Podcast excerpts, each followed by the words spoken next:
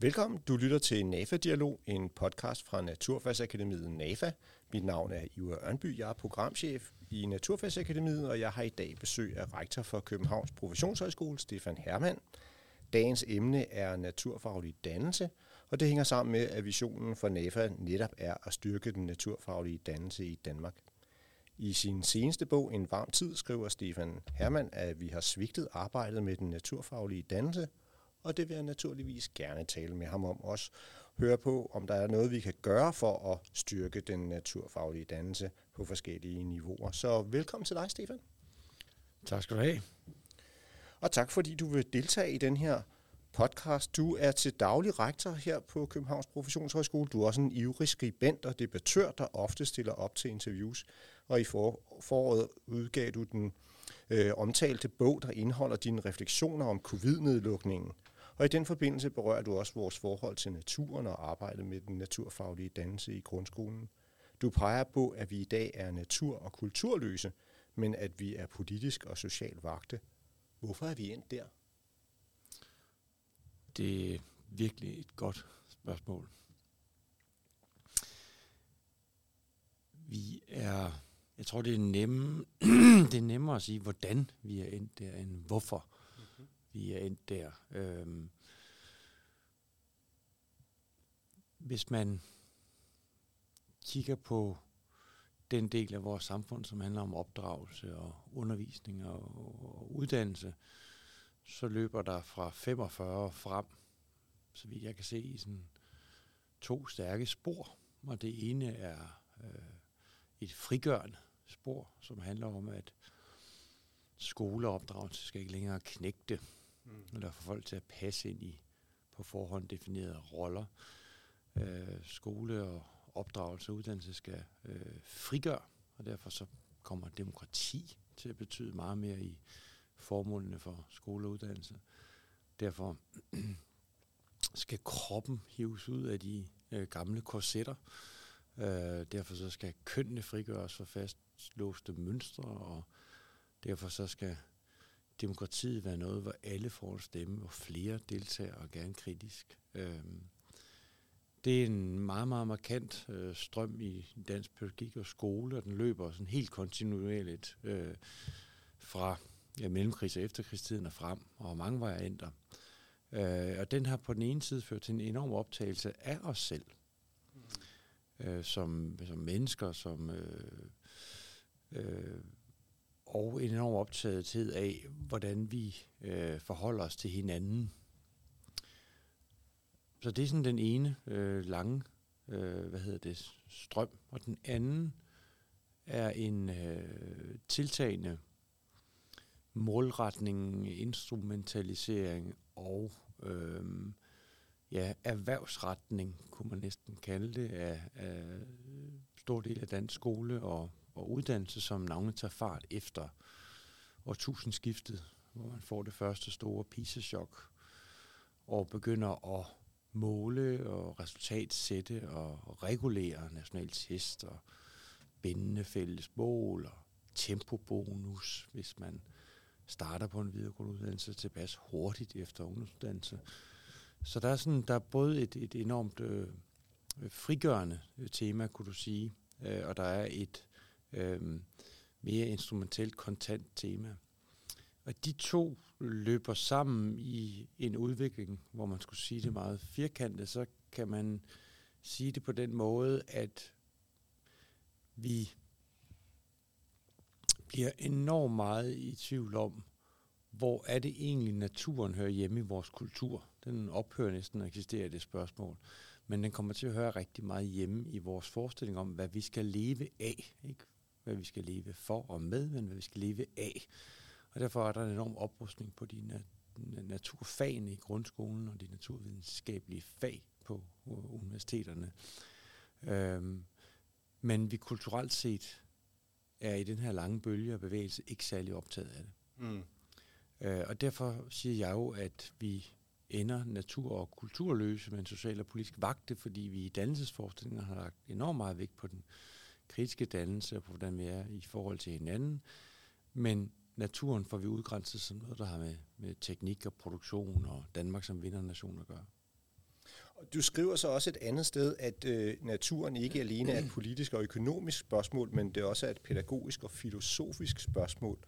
På hvilken måde er det et pædagogisk og filosofisk spørgsmål? Man kan jo sige, at stordelen af, af filosofiens øh, historie eller tænkningshistorie, der har vi jo forholdt os til naturen som vores egen natur. Altså menneskets øh, udgang af det selvforskyldte umyndighed, som, som Kant skriver 1784, er jo fordi han bestemmer menneskets natur som, øh, som ved at erkende et rationelt oplyst væsen. Ikke? Så, så det der med at forholde sig til menneskets natur har været meget, øh, hvad hedder det, comme il faut i, øh, i øh, filosofien. Men det, det så kniver mere med, øh, og nu det er jo ikke nogen filosofiprofessor, du taler med, det er at, øh, at forstå menneskets øh, indfældthed i øh, den ydre natur også. Og det har jo været, ikke været særligt... Øh, det har jo ikke været noget stærkt tema i filosofien efter 45. Øh, jeg kan huske, da jeg var ung og gik og, og snusede til alle sådan ting, der grinede man jo de der naturfilosofer, Arne Næs og, og andre. Det var sådan lidt latterligt, ikke? Øhm, de store, vigtige filosofiske spørgsmål, det handlede om alt muligt andet. Ikke? Øh, man kan sige, at teologerne har jo altid forholdt sig meget til, også til naturen. Øh, og Gud i naturen osv. osv. Men, men det er jo heller ikke fordi, at, at øh, altså, tag nu sådan som Løstrup har spillet en kolossal stor rolle i, i pædagogisk tænkning i Danmark, og han er jo næsten berømmet på linje med, med Grundtvig og Halkok. Øhm, det er jo altid den etiske fordring hos Løstrup, vi, vi griber til. Det er ikke skabelsesteologen Løstrup, det er ikke Løstrup, der er optaget af, at det elementære, det er altid det humane hos Løstrup. Ikke? Øhm, så man kan sige, at det der, det der naturspørgsmål, det bliver et spørgsmål, som øhm, øh, hvad hedder det, bliver underligt udgrænset. Og når jeg siger underligt udgrænset, så er det jo egentlig fordi, at vi alle sammen har et forhold til, ikke bare vores egen natur, men til naturen som sådan. Vi orienterer os i forhold til vejret og det ene og det andet og det tredje, og den er, den er ekstremt stærkt til stede hos børn. Men det, øh, men det ophører ligesom med at blive sådan en reference, et punkt i vores kultur. Der er heller ikke ret mange, der skriver sange om det, og digter om naturen, og prøv at sammenligne sådan noget. Prøv, prøv at tage sådan som Jeppe Aukjær. Øh, Jeppe Aukjær forstår vi alle sammen som det folkelige gennembrudsdigter. Det er opgøret med, med tynes vilkår på landet, ikke? Øh, eller med de fattige bønders vilkår på landet, det er vredens børn osv. Vi glemmer, at Aukjær var en stor, stor naturdigter. Og det er fordi, hvis man ikke har været, været optaget af det, øh, og vi har jo ikke, de fleste moderne mennesker har jo ikke øh, særlig mange naturerfaringer, de har ikke noget sprog at gribe deres erfaringer med. Øh, hvordan er det, at halvdelen af alle børn mellem 5 og 12 år har ikke set pindsvin. Vi ved ikke, hvad vi spiser. Vi øh, har et ringe sprog i forhold til at, at erfare, øh, hvad hedder det, naturen. Men i dag har vi så en masse tal på, hvor helvede til det går, ikke? Jeg tænker på, at der kan måske også være noget andet på spil. Øh, jeg står her med Børn og Natur, Hvorfor og Hvordan, som er fra 2003, altså for næsten 20 år siden er den skrevet. Og der skriver Jørgen Løje Christiansen, at den ydre verden er blevet for stor og kompleks. De unge søger derfor indad til det sikre. Det er ikke længere et mål at forstå verden, men at forstå sig selv. Altså, at det i virkeligheden er det perspektiv også, ikke? Altså. Ja, altså man kan jo sige på en måde, det er meget sjovt, at i, i dansk dannelsestænkning og sådan den, den hegemoniske pædagogiske tænkning, der er det jo, der er det jo livsoplysning, tilværelsesoplysning, der er det sådan et helt centralt element, og det kommer så til at handle om mit liv. Mm. Og det jeg jo egentlig er ude efter, det er, hvorfor handler det ikke mere om verden?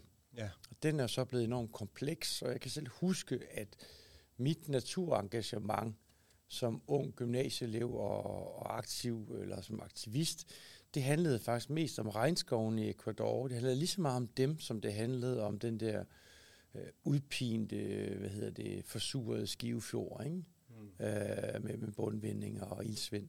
Øh, fordi vi havde ikke nogen nære hverdagserfaringer med, med, med naturen. Vi lærte ikke om det i skolen. Vi sang ikke sangene. Og, øh, så, så det er derfor, jeg konkluderer, at, at naturkrisen jo også er en kulturkrise øh, Lars Ger Hammershøj er vel inde på lidt af det samme, det der med individualiseringen, han taler om.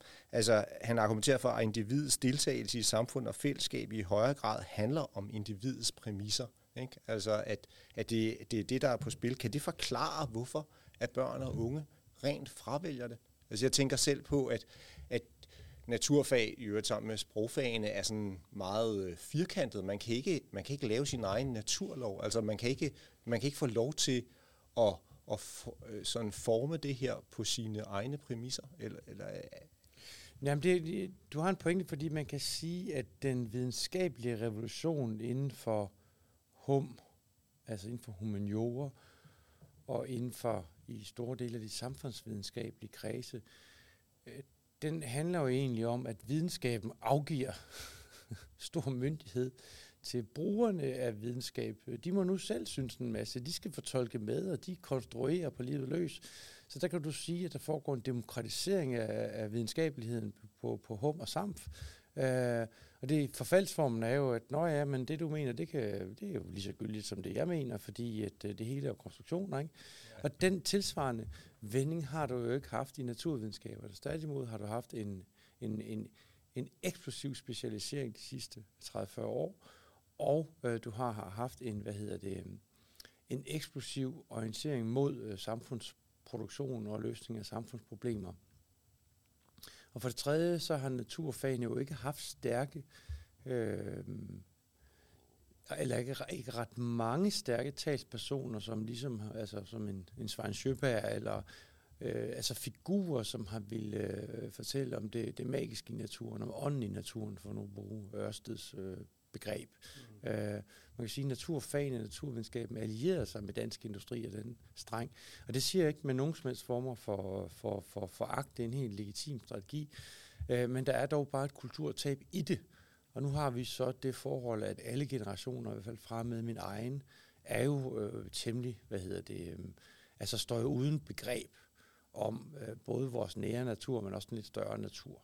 Øh, det vi står med, det er en masse følelser af, af angst og skam over vores livsførelse på den ene side, og så har vi en helvedes masse data, som vi prøver at hitte redde i. Ikke? Hvor meget stiger havene, og når er det 70 procent i 2030, og 1,5 grader Celsius må man godt. Så, så, så, og det er derfor, jeg konkluderer, at vi har ikke nogen naturfaglig almen dannelse. Mm.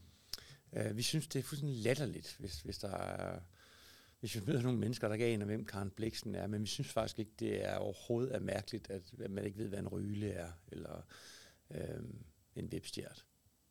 Det er rigtigt. Jeg, jeg oplever det med min egen øh, drenge, som er sådan 30 og 32. De, de ved heller ikke meget øh, ud i den dur, selvom jeg har forsøgt at, at fortælle mig om det. Nu kunne jeg godt tænke mig at flytte øh, lidt over på, hvad vi kan gøre ved det. Og øh, du er jo til, dag, øh, til daglig leder af blandt andet læreruddannelsen. Øh, hvad skal vi gøre i for eksempel læreruddannelsen? Hvad, hvad, hvad kunne vi forestille os vil være godt, de lærerstuderende kom herfra med, for at kunne fremme den naturfaglige dannelse? Jamen lad mig svare på det spørgsmål i, hvor man en lille omvej. Ja. Fordi noget, der var det virkelig, synes jeg, øh, opmuntrende ved at sætte gang i den proces, der førte til NAFA, det var jo, at allerede på det tidspunkt, og det er jo faktisk fire år siden nu, var det tydeligt for både for os, men også for de fonde, der var, at det var ikke nok at gå efter at fremme naturfagene og naturvidenskab med henblik på, at flere mennesker skulle få ansættelse i de brancher, der skal løse øh, den grønne omstilling og gøre Danmark til vindernation. Nej, der var faktisk ret stor enighed om, at det var den naturfaglige bildung, det var den naturfaglige dannelse og myndiggørelse, øh, som måtte være det første formål. Og det er for mig at se et stort fremskridt, og det havde ikke været muligt for 10 år siden at drage den konklusion. Men det gjorde vi jo her. Jo hermed så også sagt, at det spørgsmål, der melder sig for læreruddannelsen, er jo et spørgsmål om naturfaglig dannelse og myndiggørelse, som rækker ud over alene et stærkere og bedre og bredere naturkendskab i en række fag, med henblik på, at børnene så opnår det. Det handler jo måske også om at tage de spørgsmål alvorligt i andre fag. Lad mig tage et eksempel. Historieundervisningen er af gode grunde domineret af spørgsmålet om menneskets forhold til sig selv og menneskets forhold til hinanden. Derfor er der rigtig meget politik i historieundervisningen, der er rigtig meget samfundshistorie, men måske burde der være mere naturhistorie i historieundervisningen. Uh, måske burde man i, i dansfaget ikke primært rubricere Jeppe Aukjær som uh, det folkelige gennembrudsdigter, men også som naturdigter. Måske burde vi læse øh, uh, Brorsen og Kingo på den måde. Måske er det det, vi burde finde frem hos Inger Christensen. Måske skal vi læse Trækfuglen hos Blikker og frem for, hvad hedder det, øh, i Benstow, eller hvad vi nu keder teenager med, ikke? Øhm, måske skulle vi kigge på øh, miljø, natur, øh, politik, forhold meget mere også i samfundsfag, end vi har for vane at gøre. Så på den måde kan man sige, at det spørgsmål, der stiller sig grundlæggende set, det rækker bredere ud end alene til naturfagene. Og det betyder så også, at der vil opstå alliancer og forbindelser mellem fagene. Og jeg tror, at hvis man kan aktualisere litteraturen, øh, altså dansfaget og samfundsfag, andre fag på de her måder, så tror jeg faktisk, at naturfagene også bliver mere interessante. Men i NAFA er det jo naturfagsuddannerne, der ja. er i fokus for programmet. Så måske skulle man have tænkt programmet også lidt bredere på den måde, eller hvad? Øh, det tror jeg for tidligt at sige noget om endnu. Okay. Men, og nu spurgte du så specifikt til læreruddannelsen i Toto, så det, ja. det var det, jeg forholdt mig til. Og derfor er jeg jo glad for at også selv nørklet med, at det kommer ind i læreruddannelsens formål at vi uddanner lærere også i et naturfagligt, jeg tror man valgte ordet, bæredygtigt øh, perspektiv. Øhm, og der tror jeg så, at det spørgsmål må stille sig bredere end naturfagene, men der er ingen som helst tvivl om, at naturfagenes status på læreruddannelsen er i en kritisk situation, og derfor er NF faktisk så afgørende, fordi det antal af lærerstudenter, som vælger naturfagene, er jo faldet øh, faktisk øh, okay meget siden øh, læreruddannelsen i 2013, og det skal vi have vendt. Øhm, fordi at dygtige naturfagsuddannere, dygtige naturfagslærere, der i skolen kan åbne de her fag for børn og elever, tror jeg er helt afgørende. Og der handler det jo, der, bliver er jo sindssygt mange spørgsmål i, men altså, øh, det er for mig at se uf, ufatteligt afgørende. Men noget af det, du taler om, kunne så for eksempel godt komme til at hænge bedre sammen ude på grundskolerne, kunne man forestille sig, eller hvad? Altså, jeg, jeg er klar over, at de skal klædes på til at, at komme på grundskolerne, men det er også i høj grad i grundskoleperspektivet, at man skal have den her sammenhæng til at fungere. Er det rigtigt forstået? Ja, det mener jeg. Og øh, ja, det mener jeg. Det er jo i sidste ende for at sikre, at du i, øh, i grundskolerne, og ikke mindst i folkeskolen, tager den del af formålsparagrafen, der handler om menneskets samspil med naturen, meget mere alvorligt, end vi har for vane. Vi plejer altid at forelske os i den del af formålet, som ligesom sådan adresserer det hele menneske, og i hvad skal vi være altid og personligt udviklende, og så den del af formålet, som handler om åndsfrihed, demokrati og ligeværd. Men der er en glemt passus, der handler om menneskets samspil med naturen. Og det samspil belyses jo ikke kun i kemi og fysik og naturteknologi og biologi og geografi, det belyses jo også i samfundsfag, i madkundskab osv. osv. Mm. Og det narrativ har jo, altså, er jo i virkeligheden meget stærkt i den sammenhæng, ikke? Øh, kunne man pege på. Det er i hvert fald noget, vi har talt om i Naturfagsakademiet, ja. at, at vi, kunne, vi kunne godt arbejde med noget, man måske kunne kalde narrativ didaktik, for at, at udbrede det her. Ja, det lyder, det, det synes jeg, det lyder øh, oplagt. Øh, man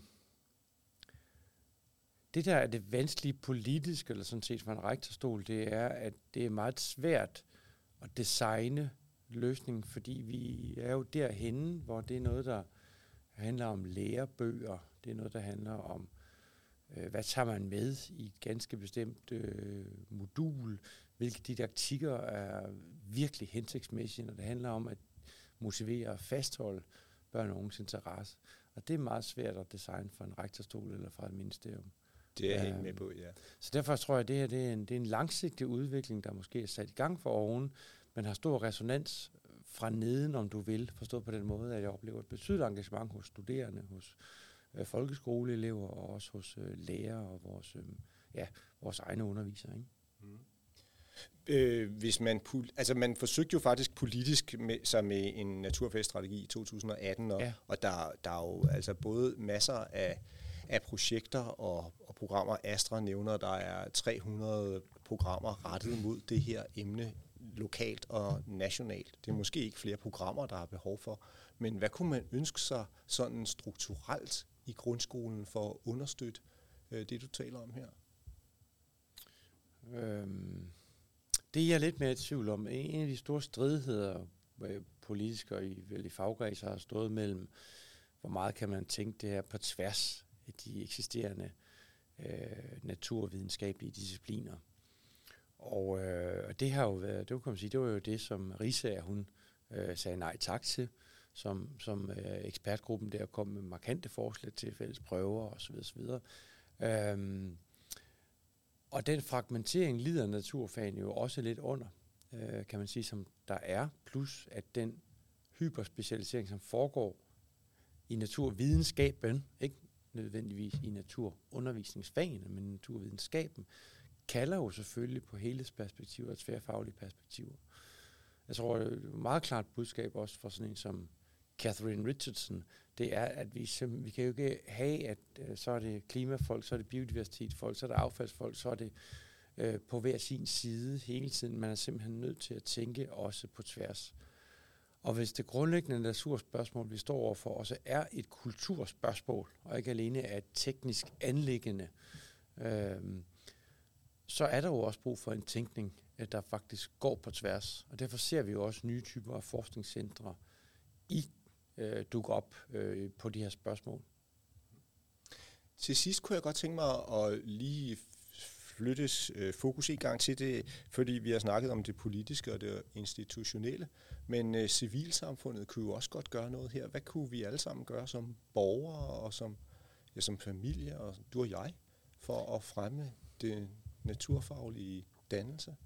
Altså man kan sige, det jeg prøver at beskrive i min bog, det er, at på den ene side er det vigtigt, men og nødvendigt, at vi har så massivt et fokus på infrastruktur, afgifter og forskning og teknologier, der skal sikre, at vi øh, kan leve uden at øh, bruge en 4-5 jordklode hvert år. Fordi det er sådan, vi lever i Danmark. Vi bruger 4-5 jordkloder om året. Ikke?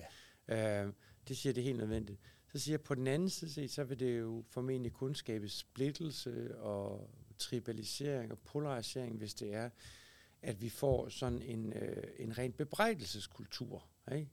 hvor man siger, øh, hvor man skæver skævt til Ivan, han går ned og prøver at skjule, han har købt et par bøffer fra Namibia. Ikke? Øh, og derfor så peger jeg jo på det pædagogiske system i bred forstand, fordi det er her, man kan forme øh, mennesker og menneskers dispositioner, men også viden og give dem sprog, sådan så de som mennesker og borgere oplever en myndighed, øh, og ikke alene skal agere som producenter og forbrugere, men også som mennesker og øh, borgere. Øh, og det tror jeg er, er meget, meget vigtigt.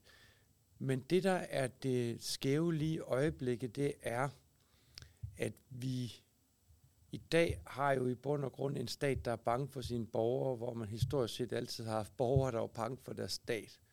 Øhm, politikerne tør jo ikke engang at sige til os, hey, I kan godt sætte stuetemperaturen ned til 19 grader, uden det er så skidt for jer. I kan godt tage en sweater på. Selvfølgelig er der nogle brancher, der vil også være nogle husstande og mennesker, som vil være i nød på grund af stigende energipriser, men langt de fleste kan faktisk godt øh, finde ud af at håndtere det der spørgsmål. Men det er utrolig svært for dem at tale til os på den måde i dag, fordi at politikerne er blevet bange for øh, vælgerne. Man kan også sige det på den måde, at omkostningerne ved en meget markant omstilling af vores livsførelse, de er meget præcise, men fordelene er langsigtede og fjerne og svære at begribe, og måske også svære at forstå, hvis man ikke har noget forhold til, til hvad hedder det, til naturen. Men nu, ja, det, det man måske kunne sige, hvad det var, at øh, det var faktisk en anekdote, som Rune Lykkeberg fortalte mig, fordi, og derfor så krediterer jeg så ham nu, fordi han fortalte, at under 2. verdenskrig, så fortalte han mig, så havde på et tidspunkt, hvor amerikanerne frygtede, at tyskerne ville tage turen over Atlanten og bombe Østkysten, og så sagde Roosevelt, at nu skulle de alle sammen slukke lyset, når solen gik ned på Østkysten. Og så sagde han, og alle jer på vestkysten og i midten af Amerika, de skulle også slukke lyset, fordi så var de sammen om det. Og det der med at turde definere et fælles projekt, og trække hele den der, øh, det der fællesskab, der er i også at kunne give et afkald, som noget andet end bare et lidet afsavn. Det har politikerne meget svært ved at tale til hos os. Og det er endda på trods af, at vi lige har været igennem to år med covid-19, hvor langt de fleste mennesker kunne se fornuften i, at vi lukkede ned, at vi beherskede os, at vi begrænsede os, at vi blev hjemme. Jeg skulle lige netop selv til at nævne det, at, at jeg synes jo faktisk, at covid-19-nedlukningen er et godt eksempel på, at det, det viser, at det hjælper at, at løfte i fællesskab. Og jeg tror, jeg vil lade det være det sidste ord her. Sige tak til dig. Øhm, jeg skal også huske at sige, at øh, det her, øh, den her podcast bliver udsendt med vores nyhedsbrev. Man kan hente det på NAFA nu. Der kan man også tilmelde sig nyhedsbrevet. Jeg skal huske at sige tak til Nils Halfdan Hansen for at have styret teknikken, og jeg skal også minde om, at øh, den samlede aktivitet her i NAFA er øh, støttet af Vilumfonden og af Novo Nordisk Fonden. Så tak til dig, Stefan. Det tak.